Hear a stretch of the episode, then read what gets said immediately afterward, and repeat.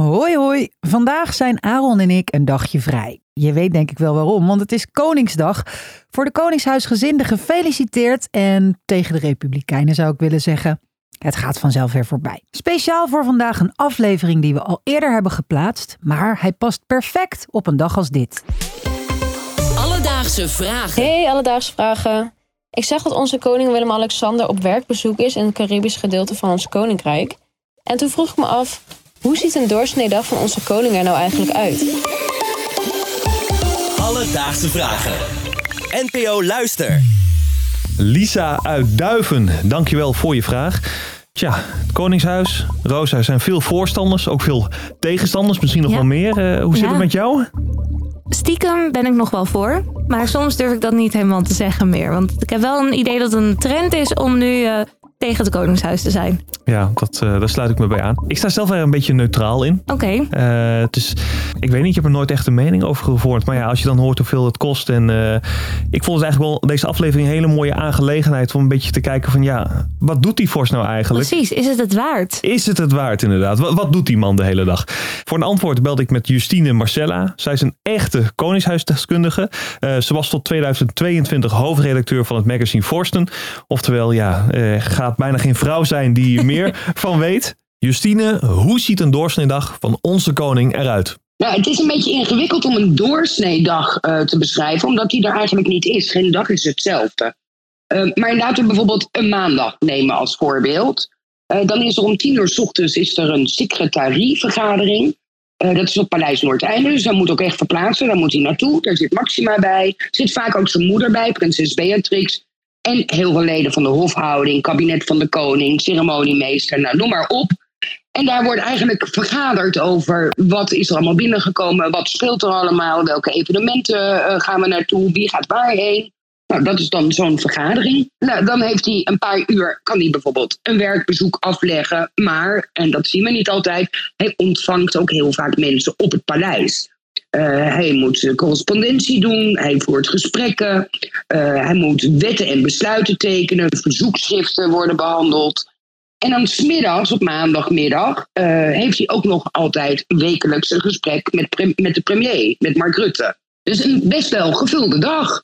Nou, zeg dat. Allemachtig. Dat is heel goed gevuld. Als ik dit elke dag zou doen, dat klinkt meer dan een fulltime baan dit. Dit klinkt dubbel fulltime. Ja, ik vraag me dan wel af, kijk, wat we dus van Justine eh hoorden is dat ze ongelooflijk veel bezig zijn met voorbereiden. Mhm. En volgens mij gaat de koning gaat ook ontzettend vaak eh, naar plekken toe. Ja, om Hij- mensen te ontmoeten. Precies, nou daar gaat Nee. ook allemaal tijd in zitten. Ja, Nou ja, nu is het natuurlijk zo dat de koning wel eens met vakantie gaat, Rosa.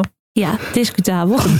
Nog steeds een gevoelig onderwerp natuurlijk. gevoelig onderwerp. Nou, dat roept bij mij de vraag op, is die man zo druk dat hij al die vakantie nodig heeft? Of valt het wel mee? Dus Justine, hoe druk is onze koning nou echt? Dat wetten ondertekenen en besluiten en waar die zijn handtekening, dat gaat eigenlijk 365 dagen per jaar door.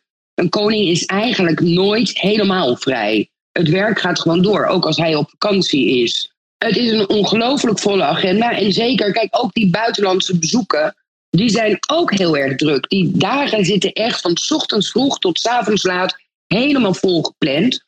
Omdat eh, onze koning gewoon echt de tijd wil gebruiken, zo, zo optimaal, eh, om zoveel mogelijk eh, te weten te komen. Jeetje, ik eh, verbaas me toch wel een beetje. Ja, wat had jij verwacht? Wat had jij als antwoord verwacht? Ik had verwacht, weet je, ik dacht juist dat wetten ondertekenen en zo, dat, dat valt op een gegeven moment weg. Want je hebt natuurlijk ook een reces eh, in de Tweede Kamer. Dus dan mag de koning mag ook wel even wat vrije tijd hebben, zou je denken. Maar hij is gewoon altijd aan het werk bezig. En juist nu in deze tijd dat we zo erg hameren op, ehm, nou, dat we, willen geen burn-out. Je moet ook een eh self-care dagje doen. Waar is het self-care dagje van de koning? Nou, dat zijn misschien toch die discutabele vakanties. Alledaagse vragen. Nou, we hoorden dus net van Justine dat dat bestaan van een koning behoorlijk druk klinkt. Eh, maar ik vraag me dan af, hoe zit het eigenlijk met die kinderen? Want je moet je, neem ik aan, voorbereiden op zo'n koningschap. We hebben natuurlijk Amalia, die gaat ooit Willem-Alexander opvolgen. Spenderen ze bijvoorbeeld uren per week aan een lesje staatskunde bijvoorbeeld, of, hoe je dat ook voor moet zien. Uh, en om daar antwoord op te krijgen belde ik met Koningshuiskenner en presentator Jeroen Snel, bekend van Blauw Bloed.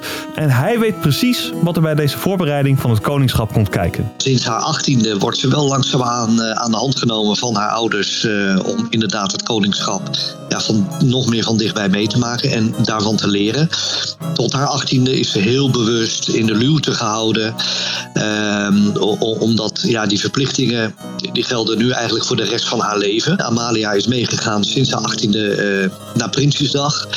Uh, ze heeft haar intrede gedaan in uh, de Raad van State, waar haar vader voorzitter van is, waar zij dus op een dag voorzitter van zal zijn. Ze is in het Caribisch gebied geweest, Caribisch deel van het Koninkrijk. Ja, zo langzamerhand leert ze alles kennen. dit is in ieder geval wat wij zien voor de schermen, maar je moet je ook realiseren dat er achter de schermen ook nog wel het een en ander gebeurt. Dat betekent dat uh, Amalia met uh, ja, historici uh, in contact komt, die haar van alles vertellen over de geschiedenis van het Huis van Oranje. over maatschappelijke thema's kan ze worden bijgepraat. Om, om ja, haar kennis ook ja, breed te krijgen en te houden over de Nederlandse samenleving. Dus Lisa, om antwoord te geven op je vraag: hoe ziet een werkdag van de koning eruit? Nou, volgens Justine is er niet echt een standaard dag van de koning te beschrijven. Veel dagen besteedt hij aan het afleggen van bezoeken en daarbuiten is hij veel bezig met het voorbereiden van deze bezoeken. Daarnaast komen er nog allerlei ceremoniële bezigheden bij kijken: het ondertekenen van wetten, het onderhouden van correspondentie. En als we dus mogen geloven, is hij daar ontzettend veel tijd mee kwijt. Heb jij ook nog een vraag? Stuur ons dan een berichtje op Instagram. Dat is Alledaagse Vragen. Of stuur een mailtje naar alledaagsvragen.bnnvara.nl en dan zoeken we het voor je uit. Alledaagse Vragen. NPO Luister. BNN Vara.